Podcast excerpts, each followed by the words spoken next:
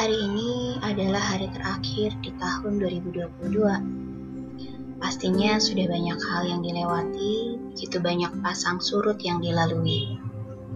Seperti halnya hidup, pasti ada senang, ada sedih, ada duka, ada suka. Rasanya akan ada beberapa harapan dan impian yang masanya akan diperpanjang sampai tahun depan karena belum terrealisasi. Tapi nggak apa-apa, nggak usah patah semangat. Tahun 2002 ini bagiku rasanya luar biasa.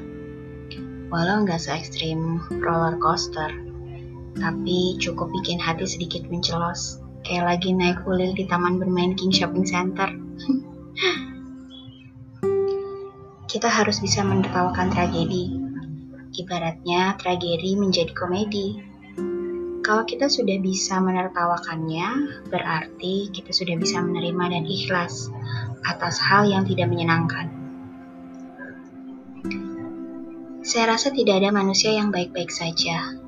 Yang ada adalah manusia yang berusaha semaksimal mungkin menghadapi dan menyelesaikan ketidakbaikannya.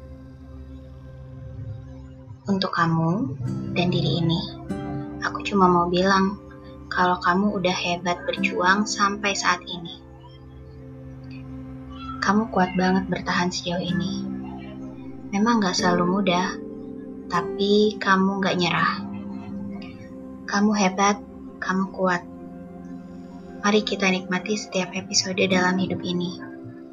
Karena tidak ada yang kebetulan.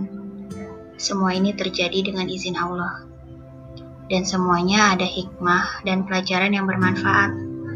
Semoga kita diberi kekuatan untuk bisa melewati setiap episode-episode yang akan menanti di hari esok dan seterusnya.